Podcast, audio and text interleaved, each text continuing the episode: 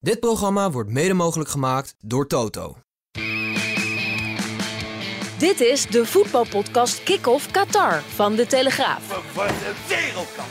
Met chef voetbal Valentijn Driessen, Oranjevolger Mike Verwij en Pim CD. Waar jij het altijd over hebt in je, in je krantje. Wat zei je? Dat eh, Mike wel goed op moet letten met die Mike, want we krijgen eh, klachten erover.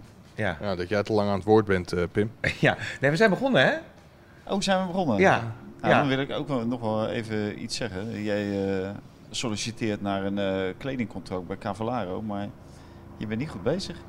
Nee, maar ja, weet je, je hebt ook meer kleren. Ja, ik kan niet elke dag. dus Ik heb maar hoeveel, Elke dag hoeveel, hoeveel poletjes hadden we nou 12 meegekregen? 12 poletjes Waren het 12 meegekregen. Nou ja, goed, dat wordt allemaal vervolgens. Jongens, ik heb een persoonlijke Oh. boodschap voor jullie. Ik leren. Zijn jullie er klaar voor? Ja? Oké, komt ie aan. And, and Mike, I want uh, Dutch team to be much, much better, not like before. Nou, dat is toch leuk, Ja, daar ga ik even mijn bril voor Zal ik opzetten. nog een keer laten afspelen? Oké, want dan was ik, als ik een beetje... Even hoor, ja. Even kijken hoor. Eh, ja. And Mike, Oh. I want uh, Dutch team to be much, much better, not like before.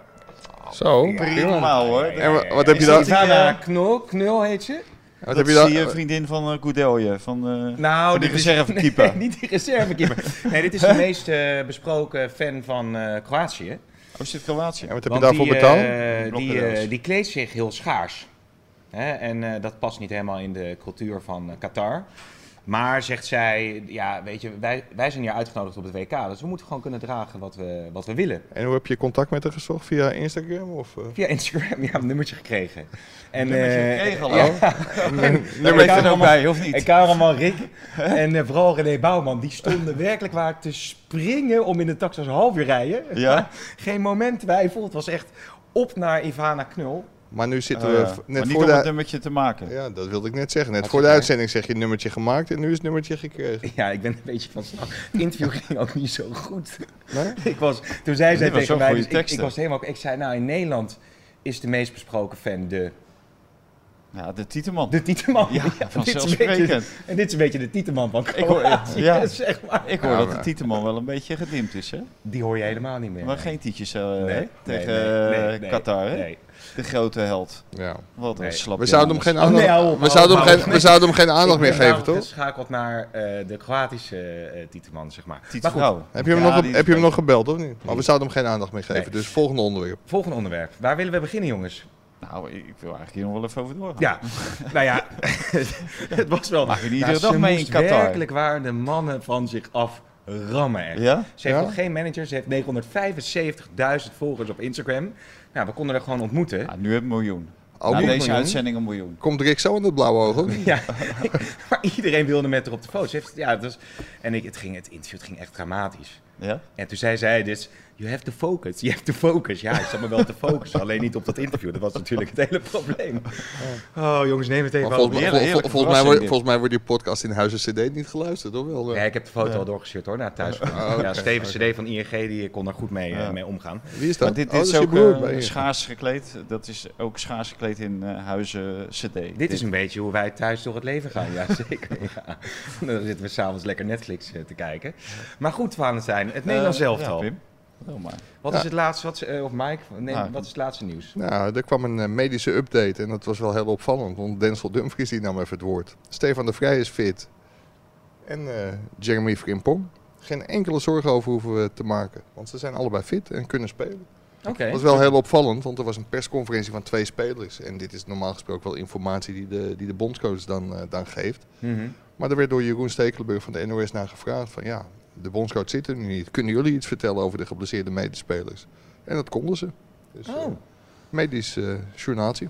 Nou, eh, wat dat betreft is er natuurlijk wel een ontwikkeling bij het Nederlands elftal gaande. Want we krijgen steeds meer bondscoaches. Hè, We hebben Louis Vergaal. We hebben Memphis Depay. ja. En we hebben nu dan eh, Denzel Dumfries. Wat dat er gaat, eh, is dat eh, een goed eh, teken voor de toekomst. Maar was het een eh, verademing, de persco met eh, Denzel eh, Dumfries? Dat is Ja. wel een leuke kerel, toch? Altijd. eh. Ja, ze waren een beetje laat. Maar eh, voor de rest was het wel leuk. Martin de Roon zat er ook. En dat zijn wel twee spelers die iets zeggen, of durven te zeggen. En het ging ook over de, ja, de manier van voetballen.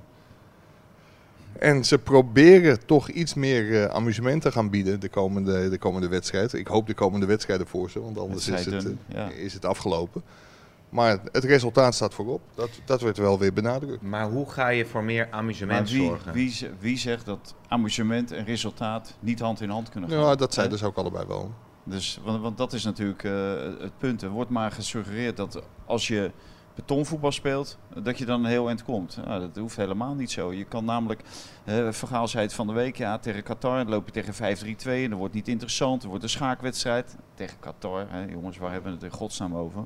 Maar dan denk ik bij mezelf, eh, op het moment dat iemand iets doet, dan moet je daarop reageren. En dan ga je uit. Hè. In dit geval zelfs mag je uitgaan van je eigen kracht, van je eigen systeem. Van je 4-3-3 bijvoorbeeld. Mhm. Om het verschil te maken. En wat is er nou lekkerder om iets anders te doen dan een ander? Want als je allemaal hetzelfde doet, ja, dan krijg je inderdaad eh, rare schaakwedstrijden. Ja. Dus dan, dan is het zaak om juist een andere weg te bewandelen. En als dat dan ook nog de weg is die je eigenlijk van kinds af aan vanaf je zesde jaar bewandelt, ja, wat is er nog lekkerder?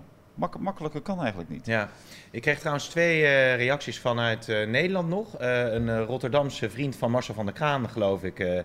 die onze natuurlijk baas van Telesport die op weg is. Die, Baas, honden hebben baas. ja, zo is het ook. Ja, die komt hier natuurlijk de komende nacht aan. Die, was, die, die, die man was heel te spreken over jou. Die vond het leuk om een keer met je in de kroeg te zitten, zei hij. Ja, dan moeten we dat maar een keer doen met Kees Ja. Dasselaar, denk ik. Inderdaad. En een vriend van mij die zei, kan die Driessen niet eens wat positiever zijn? Nou ja, nou is dat niet nieuw natuurlijk. Maar was wel Ja, misschien... dat is het grote nieuws van de podcast, dat je wel een vriend hebt. Ja, nee, zeker. Nou, en een nieuwe vriendin. Oh ja, ja. En een nieuwe vriendin. Maar ehm, is er iets waar je je aan vast kan houden? Vandaag, persco. Was er iets waarvan je denkt van, nou, hier ben ik wel positief door, eh Nee, door ik verrast? kan natuurlijk wel een heel eh, moeilijk verhaal. Kijk, die Syrië gaat zich ook weer mee bemoeien. Ja. Die denkt van, eh, je gaat de verkeerde kant op. Dus, Zoals eh, dat Dirk's horloge, denk ik. Nee, eh, ik heb- ben niet bij de persconferentie geweest vandaag. Nee. Ik heb eh, vandaag een interview voor de zaterdagkrant uitgewerkt. Oké, Een met? eh, ex- exclusief interview eh, met Ernest Stewart, Oh, wat leuk. baas van de Amerikaanse voetbalbond. Ja. Zijn we, Mike en ik, vanmiddag geweest. En dat moet snel uitgewerkt worden. Omdat we willen ze het liefst zo snel mogelijk op de krant hebben.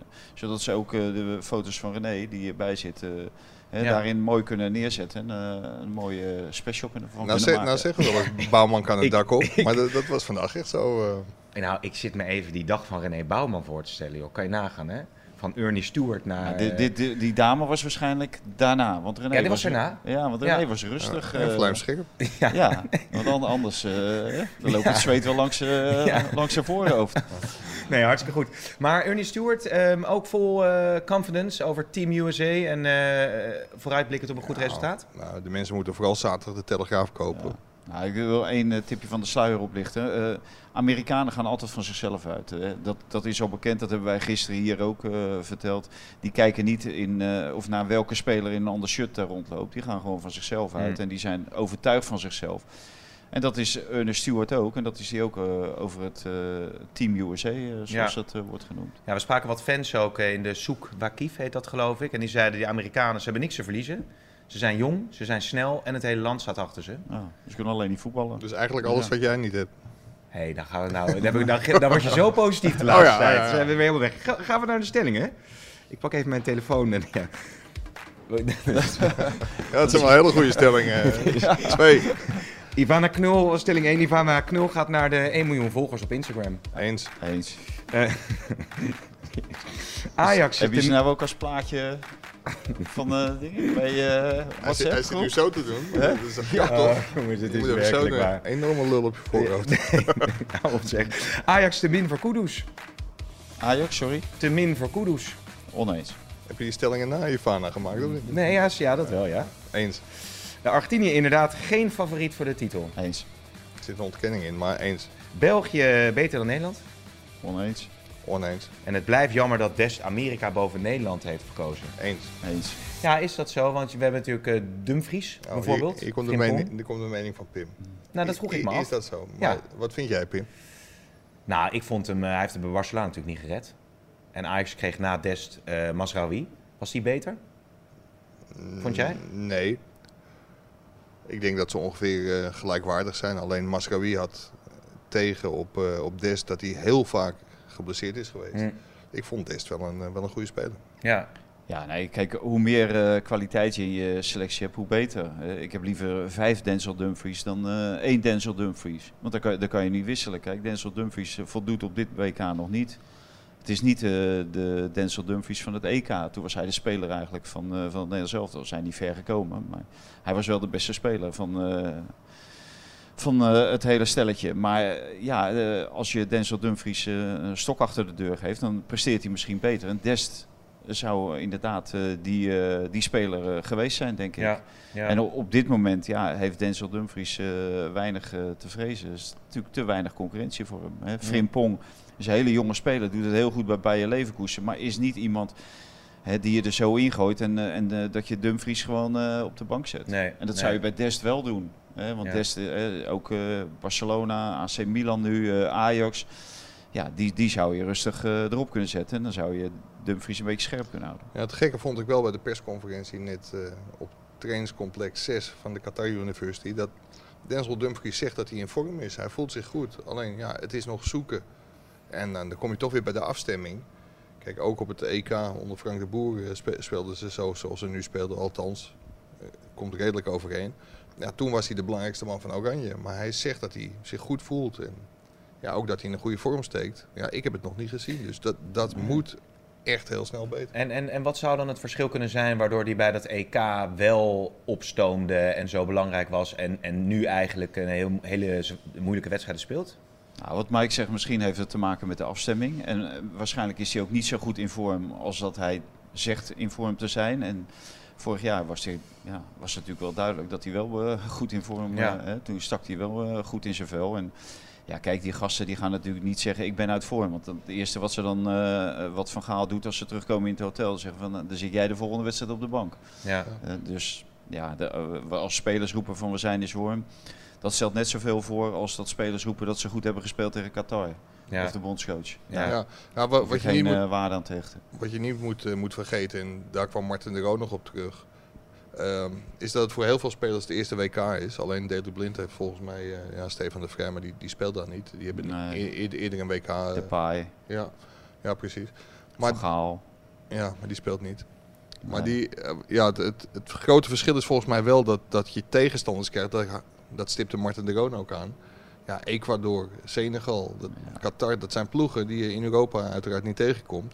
En die hebben ook een andere manier van voetballen. En ja, het lijkt alsof die spelers daar heel erg van schrikken. En daar hoort een bondscoach niet van te schrikken. Die moeten spelers gewoon goed voorbereiden. Maar ja, dat, dat, dat zou natuurlijk wel een verschilletje kunnen zijn waarom Dumfries tegen Europese ploegen misschien wat makkelijker speelt Ja. dan tegen, tegen Ja, andere ploegen. nou, ja, eh, eh, op zich heeft Mike gelijk, maar eh, ja, dat is natuurlijk eh, voornamelijk theoretisch. Want ze worden zo goed voorbereid, wordt er iedere keer gezegd. Eh, maar het grote probleem is natuurlijk dat eh, Ecuador heel anders speelde dan eh, het Nederlands elftal. En Van Gaal en eh, de scouting van het Nederlands elftal vermoeden. Hm. Hè, er kwam ineens een heel ander eh, spelsysteem eh, uit de hooghoed eh, bij Ecuador. Ja, en daar moet je dan op anticiperen. En dat is natuurlijk te weinig gebeurd. Of in ieder geval eh, onvoldoende gebeurd. En dat eh, gelul over eh, andere spelsystemen of andere manieren van voetballen. Eh, deze jongens die spelen tegen zoveel clubs. En al deze spelers op die van Qatar na. Maar dat, dat mag geen naam heten, zeker qua kwaliteit niet.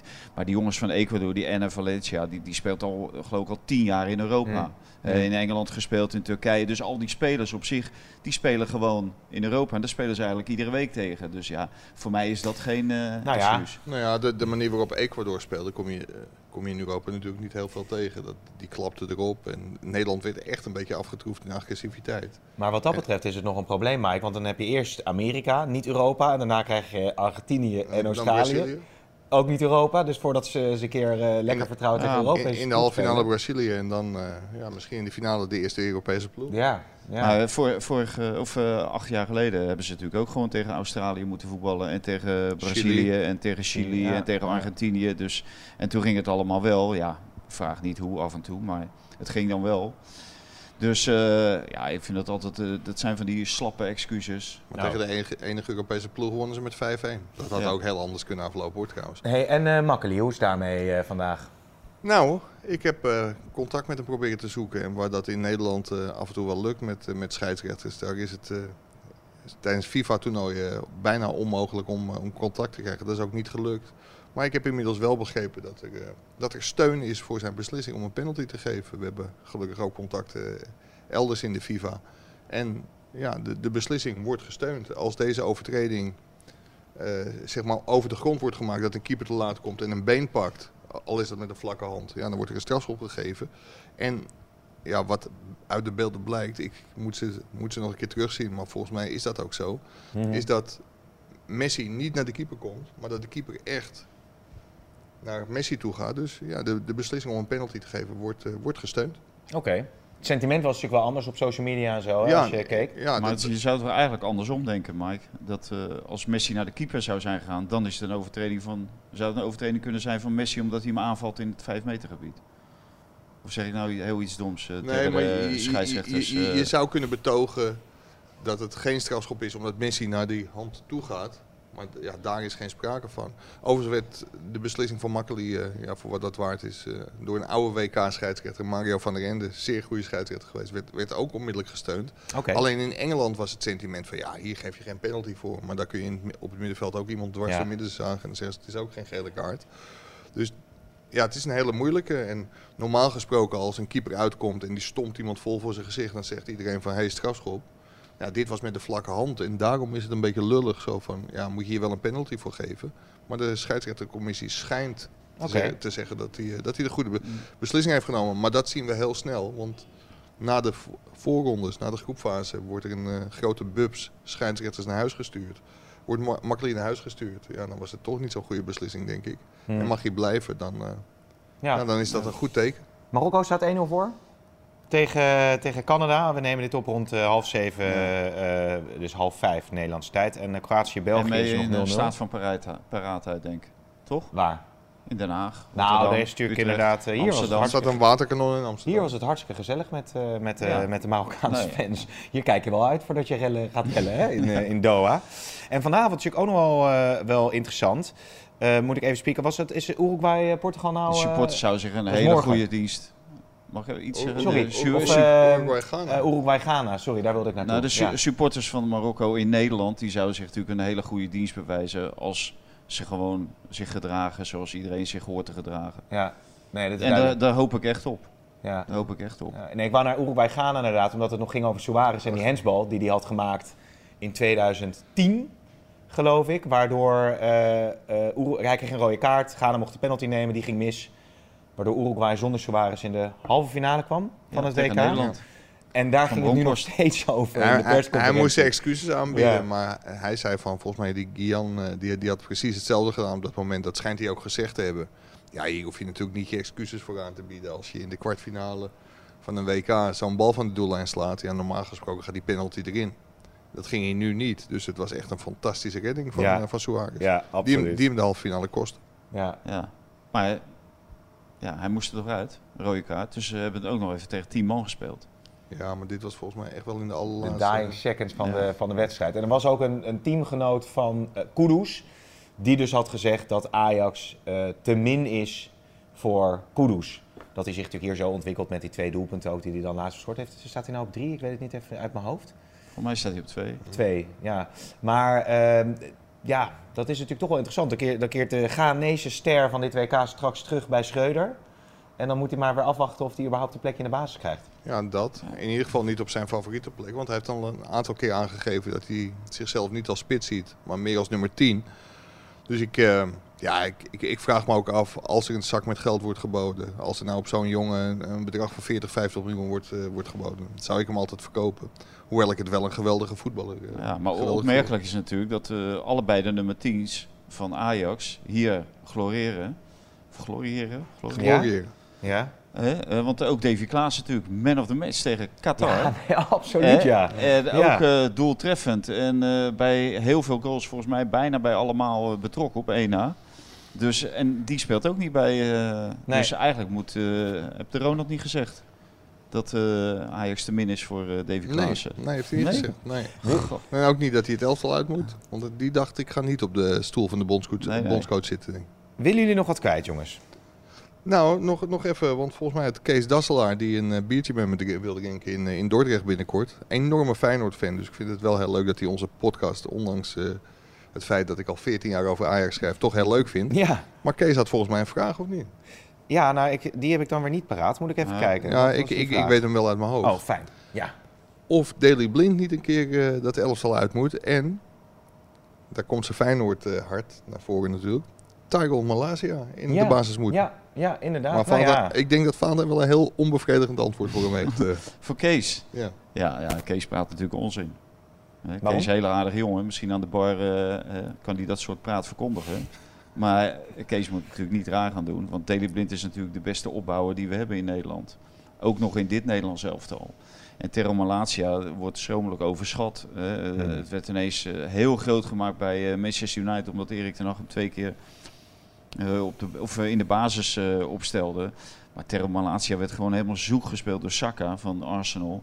En is daarna, vlak daarna ook eh, op de bank beland en daar niet meer van afgekomen. En ik moet zeggen, wij zien heel weinig trainingen. En eh, de trainingen die we zien, dan zien we Malatia.